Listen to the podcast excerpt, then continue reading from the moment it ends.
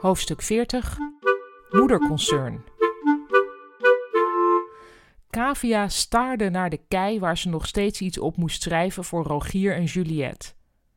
Samen kei goed, bedacht ze, maar verwierp die ook meteen.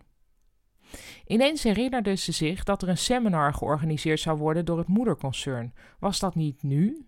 Gek, zo midden in de zomer. Ze zocht in haar mail. Inderdaad, vandaag. De titel van het seminar was Blik op de toekomst, schuine streep, Future Insight. Normaal niet iets waar KVA ooit heen zou gaan, maar nu vormde het een klein verzetje. Daarnaast had Ruud gezegd dat er meer genetwerkt moest worden en dit seminar kon ze dus altijd nog opvoeren tijdens een functioneringsgesprek. Dat was nog eens vooruitdenken. Kavia liet de kei de kei, sloot haar computer af, deed de lichten uit en liep naar buiten. De borrel vond plaats in een zaal bij de dierentuin. Kavia werd omringd door opgezette dieren en oude mannen die blijkbaar van het moederconcern waren. Er waren banners opgehangen met de tekst Future Insight. Een grijze man boog zich over haar heen en zei: En u bent?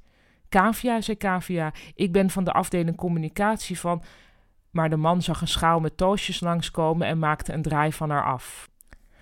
Kavia probeerde te mingelen, maar ze passeerde alleen maar mannen met daspelden die elkaar vermaakten met teksten als: De meeste mensen hebben geen benul van wat een vijfjaren projectie is. Seriously. De bijeenkomst werd afgesloten met een toespraak van de opperdirecteur. Een grote man die net zo praatte als Sinterklaas, maar omdat de zaal galmde hoorde Kavia alleen maar flarden van zijn boodschap. Samen, veranderend landschap, met z'n allen, benchmark.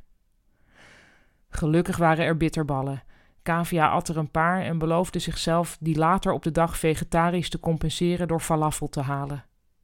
In combinatie met vier glazen sinaasappelsap werd het wat onrustig in haar maag.